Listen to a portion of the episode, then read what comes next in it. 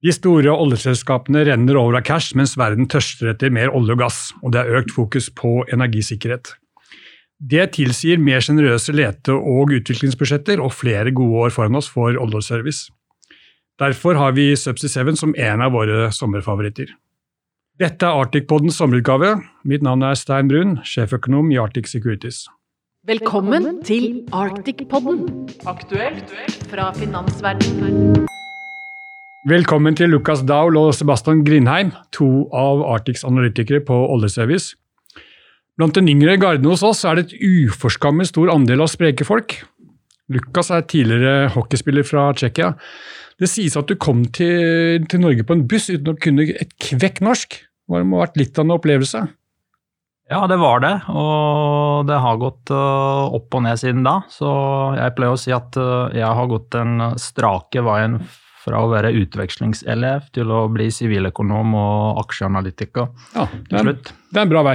Men du spilte hockey i Norge?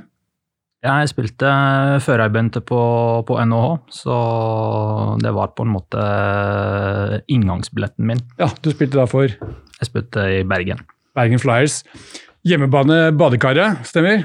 Ja, ja. Med ca. 50 tilskuere per kamp. Ja. Sebastian han er Arctics uh, Mensen Ernst, om noen har hørt om den norske løpekongen fra 1800-tallet som løp uh, Paris-Moskva på 14 dager. Jeg tror det var det. Og Senere så løp han altså fra Konstantinopel, det nåværende Istanbul, til Calcutta og tilbake igjen. Vi har en uh, kollega som løp maraton nede i Erbil, irakisk Kurdistan, mens IS holdt på så verst. Du har holdt deg mer til de klassiske maratonene, Sebastian? Stemmer. Hvem har vært favoritten? Favoritten så langt er kanskje New York og Boston. Ja. Det har vært gode, gode løp. Ja. Parallelt med kundebesøk? Nei, dessverre. Eh, det var mer ferie. Ja. Men det sies at du er kjapp. Hva er eh, persen? Det er 2,38, så det er eh, Rimelig bra. Det er greit. Vi håper litt mer i år, så får vi se. Ja, Men eh, det jo, må jo være bra å si at det er bra for en som har mer enn nok arbeidstimer på pulten hos Arctic. Ja da, jeg, er godt fornøyd med det. Ja, fint. Men du, dagens tema, oljeservice. La oss begynne med fundamentalanalysen, Sebastian. Oljeselskapene tjener eh, bra med penger for tiden. Ja, de tjener veldig, veldig, bra med penger. Hvis du ser på de største oljeselskapene, det man typisk kaller oil majors, som er Exxon, Chevron, Equinor, eh, Shell, BP, Total. Eh, så genererer de i år ca. tre ganger så mye operasjonell cashflow som de gjorde i 2020. Så rundt 300 milliarder dollar. Og de investerer jo ikke veldig mye mer enn de gjorde på den tiden. Så de genererer veldig mye cashflow, og pengene bruker de primært til å ta ned sin giring. Ja, Nå har det vært veldig stor fokus på fornybar, men vi trenger jo, det er, tar lang tid før det blir av en størrelse som vi kan regne med. Så vi trenger jo mer olje og gass i mellomtiden. Ja, helt klart, og det er nok noe som har blitt enda mer fokus i, i år, med den energikrisen vi står overfor etter invasjonen av Ukraina og sanksjonene mot Russland. Mm. Så blir det noe særlig vekst i år? Uh, på IMP spending så ligger vi an til litt over 20 uh, vekst. da. Mm. Um, det, men det er primært drevet av uh, nasjonale oljeselskaper. Vi ser Spesielt i Midtøsten så investerer de veldig mye mer.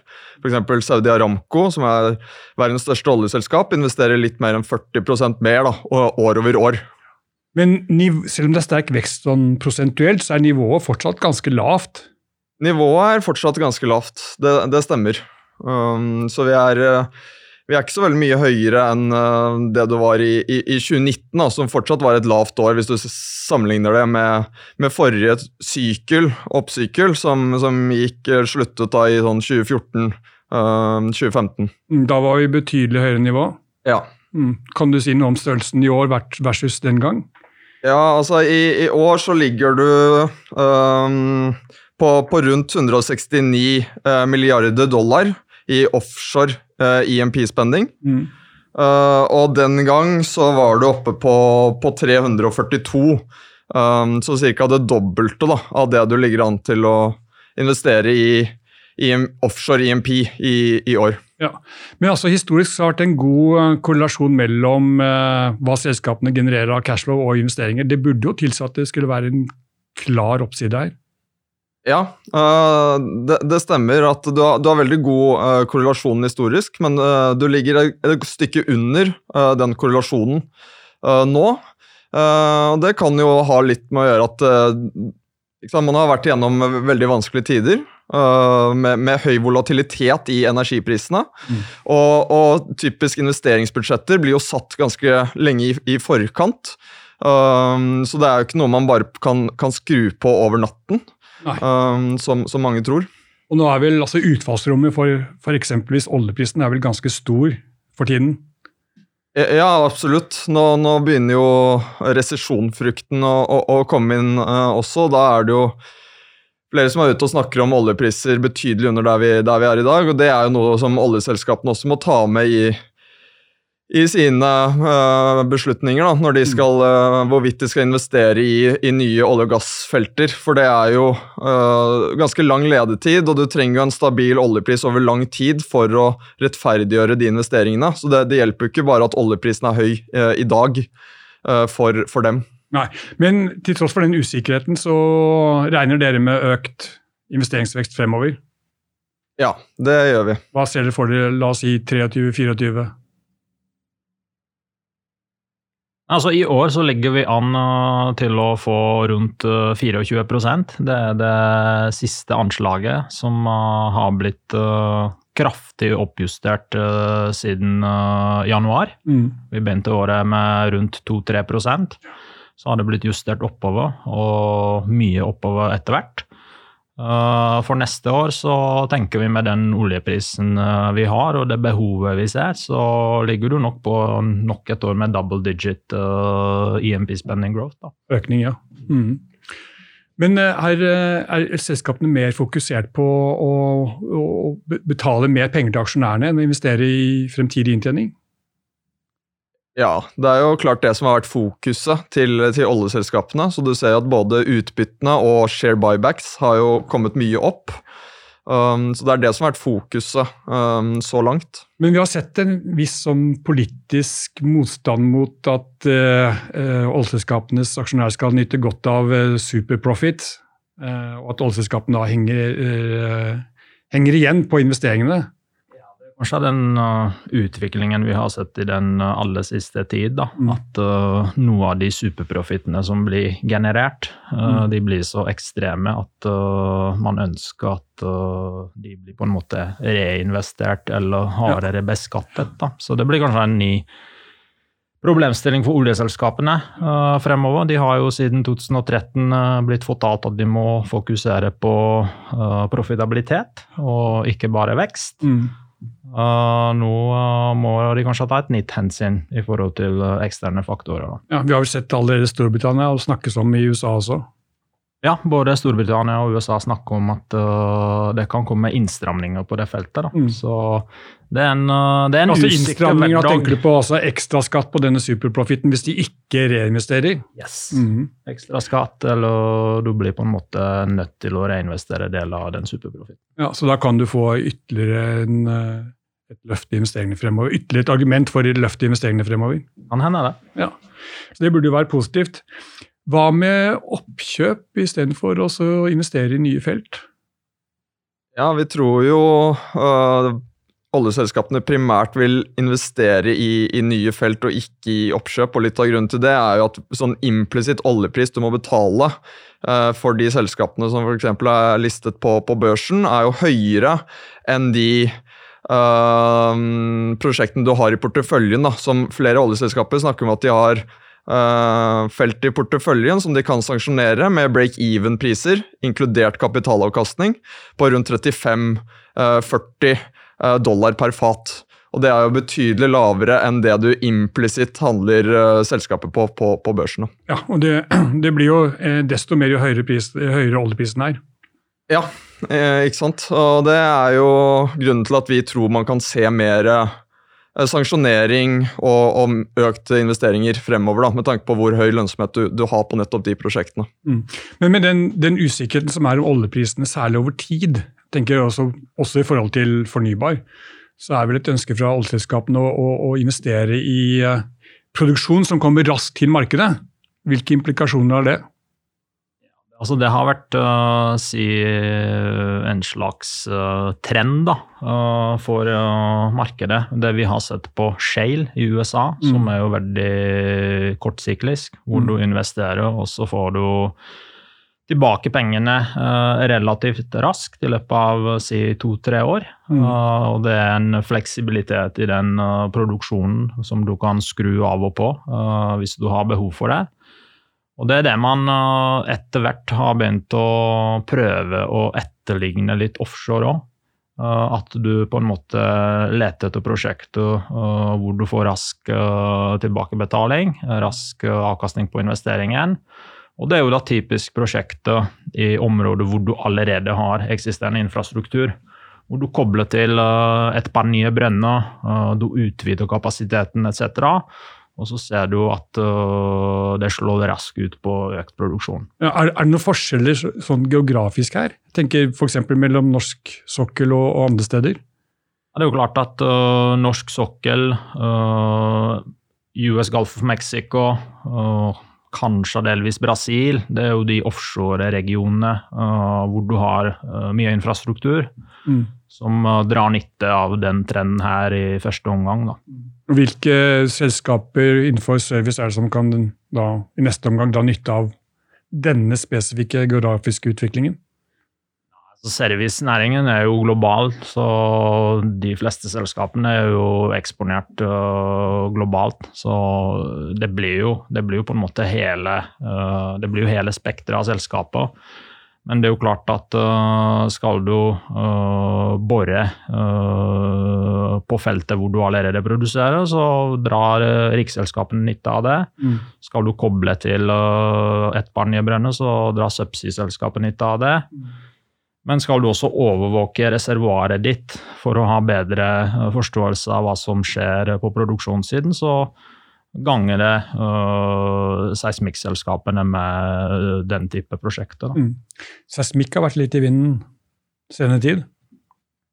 Ja, det har, uh, det har vært uh, store uh, bevegelser, i hvert fall på aksjekursene. Mm. I påvente at vi står foran en ny oppsykkel. de selskapene har hatt det vanskelig. Markedet har blitt Uh, veldig redusert i forhold til antall fartøy, i forhold til mennesker som jobber i bransjen, så kapasiteten har gått ned kanskje 30-40% Og det betyr da at uh, selv med en relativt liten økning uh, på aktivitetssiden, så gir det utslag på utnyttelsesgraden av flåten og hva du kan be om i priser. Mm, så også her ser vi sånne supply side issues som vi ser på mange andre sektorer eh, i forbindelse med pandemien. Ja, helt definitivt. Mm. Eh, du har sett mer på, på en del eh, serviceselskaper. Hvilke er det du er mest glad i nå for tiden? Altså De vi foretrekker, er jo uh, Subsea 7. Uh, og uh, i dag så tok vi også opp uh, Aker Solutions. Uh, de drar jo nytte av uh, trenden at det blir mer uh, spending. de har gode balanse. Mm. Og de er i så fall godt posisjonert til å øke inntjeningen et par år frem i tid.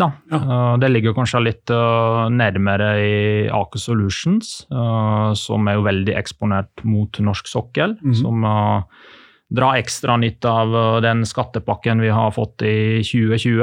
Ja, Og som nå selskapene må utnytte innen rimelig kort tid for å få glede av den. Ja, det er egentlig innen utgangen av året, uh, mm. hvor du må ha sendt inn søknaden for uh, feltutbygging, og så skal det godkjennes i år i løpet av neste år. Da. Så, så der kan det komme et rush av ting? Det forventes at det kommer rekordmange antall prosjekter, bortimot 40 kanskje.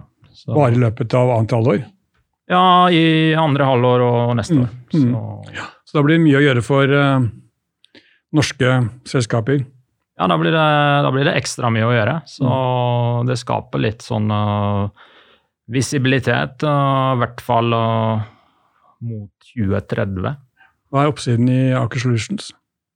Der uh, har vi kursmål på 35, aksjen står i 27, så det blir rundt 30 mm. og Det er mer oppside i Sepsis 7, uh, sånn som vi ser det. Uh, for der er jo på en måte den inntjeningen de neste to årene relativt gitt. Mm. mens tesen vår er at mange investorene vil uh, etter hvert uh, stille seg spørsmålet hva inntjeningskapasiteten til dette selskapet i 2024-2025, ja. når du har fylt opp backloggen ja. og du har begynt å eksekvere på prosjektene hvor du åpenbart uh, har bedre prising enn det du hadde på kontraktene som du hadde inngått når markedet var helt nede. Men Hvordan ser ordrebackloggen ut for Subsea 7? La oss si for 23? De har rundt uh, halvparten av uh, vårt uh, topplinjeestimat dekket i backloggen allerede. Mm. selve backloggen er på en måte på det høyeste nivået siden 2015. Så du har på en måte sett gradvis forbedring på, på mange parametere, noe som tilsier at du kan også begynne å bli litt mer uh, på en måte selektiv når det gjelder prising. Mm. Og ikke nødvendigvis ta på deg kontraktene hvor uh, marginen ikke er så attraktiv. Subsea 7-aksjen var jo desidert en vinner i våres. Den gikk vel fra sånn rett under 60 kroner i slutten av februar til uh, ja, hvor høyt var den kom? Litt over 100 i begynnelsen av juni. Og så har den falt 20 sånt noe, frem til halvårsskiftet. Hva var det som skjedde? Ja, Det skjedde to ting. Eh, det ene var at uh, selskapet kom med en si profit warning. hvor de meldte om at de har problemer med å eksekvere på noen av de prosjektene som de har. Blant annet noe havvind? Ja, det var jo stort sett tre havvindsprosjekter. Mm. Uh, det, var i, det, var i, seg selv uh, tre kroner uh, per Sapsi-aksje i en sånn direkte cash-effekt. Men aksjen har jo falt mye mer enn det. selvfølgelig folk har begynt å bekymre seg at dette kan gjelde andre prosjekter man har, samtidig som hele, hele spacet har vært under press som følge av litt mer usikkerhet om oljepris, litt mer usikkerhet om uh, resesjon etc. Så mm. alt er ned 20-30 uh, selv om den uh, direkte skaden har vært betydelig mindre. Ja, Men du er relativt komfortabel med forventningene om økte marginer fremover? Ja, det, det, er det vi legger til grunn. Og uh, uten å være uh, altfor aggressive uh, i våre anslag i, i 24, Eh, så tror, så tror, vi at uh, dette er et selskap uh, hvor man kan uh, snakke om en EBITDA på rundt 1 milliard dollar. Mm. Og når du har en EV på 2,5, så blir forholdstallet veldig lavt. Samtidig som det er et selskap som har på en måte kommet seg gjennom århundrets nedtur med nesten netto cash. Mm og klart å på en måte demonstrere at eh, de har både tilpasningsevne eh, og eh, evne til å på en måte navigere gjennom syklene. Mm. Og Så hva er kursmålet? Kursmålet er 120. Ja, Så du har enda større oppside der enn i Aker Solutions? Ja, etter ja. kursfallet så er det enda større ja. oppside. Så du er komfortabel med den over sommeren? Over sommeren? Ja, jeg tror at uh, nå går vi inn i rapporteringssesongen for uh, oljeservice uh, om et par uker. Og da forventer vi at de store oljeserviceselskapene i USA vil gjenta budskapet om økt aktivitet blant oljeselskapene.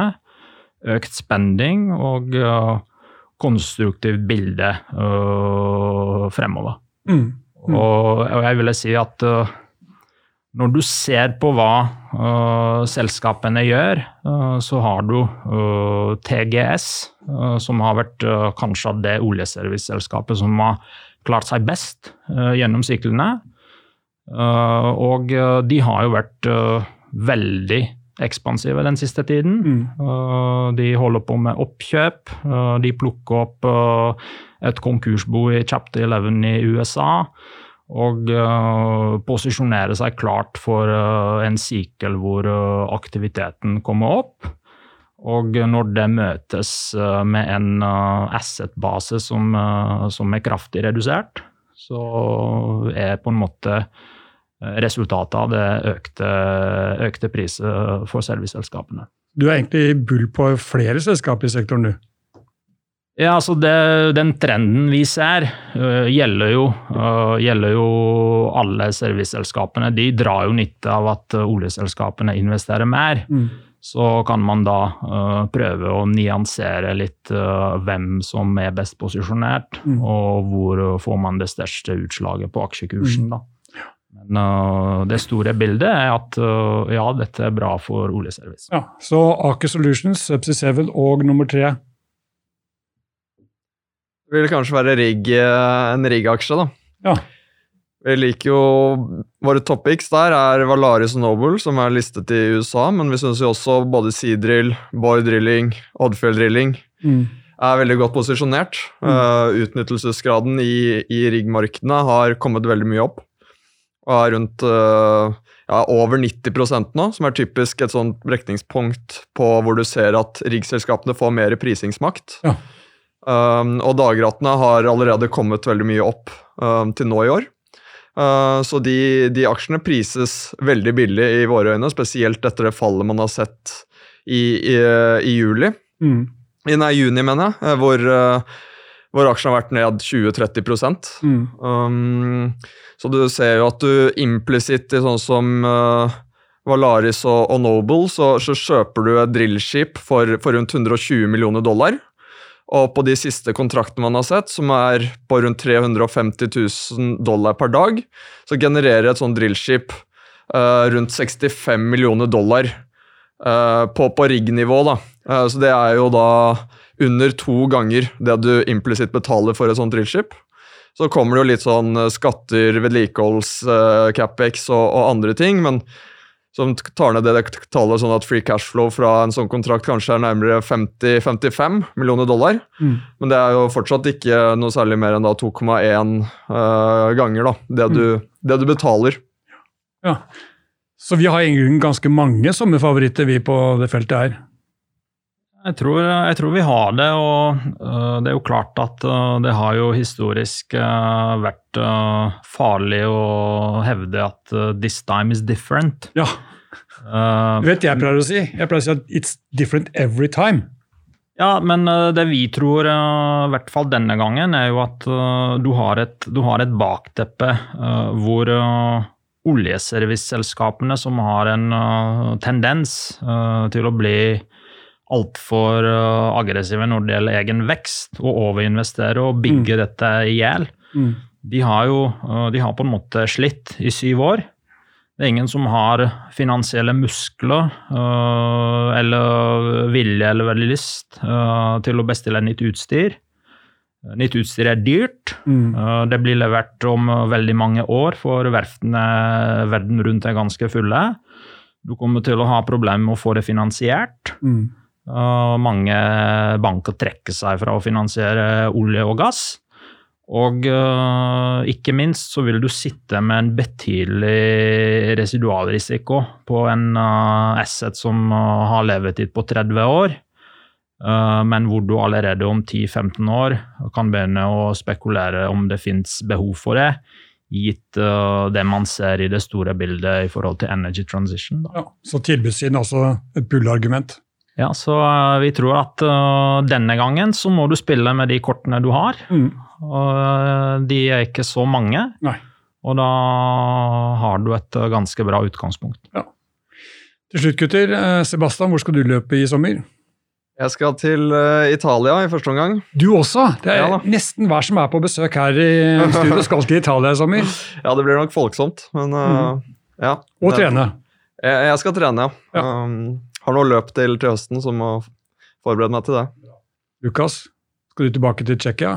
Ja, jeg skal uh, inn, inn, på treningsleia, barmark. Så skal tilbake på is i august, så da må man uh, gjøre ja. seg klar for en ny sesong. Du skal ikke begynne å konkurrere med Sebastian, altså? Nei, nei, nei, det er jeg ferdig med. ja, bra. Takk skal dere ha. God sommer. Takk. Takk. This podcast has been prepared by Arctic for information purposes only. The information, opinions, and recommendations presented in this podcast are for general information only, and any reliance on the information provided in this podcast is done at your own risk. This podcast should not be considered professional advice. The information provided in this podcast is not intended to constitute investment advice, nor is the information intended as an offer or solicitation for the purchase or sale of any financial instrument. Relevant and specific professional advice should always be obtained before making any investment or credit decision. It is important to note that past performance is not indicative of future results. This podcast does not fulfill the criteria for preparing investment research and must be seen as marketing material. All information submitted during this podcast is obtained from public sources that Arctic believes to be reliable, but which Arctic has not independently verified. Arctic makes no guarantee, representation, or warranty as to its accuracy or completeness. No liability whatsoever is accepted for any direct or indirect, including consequential, loss or expense arising from the use of information from this podcast.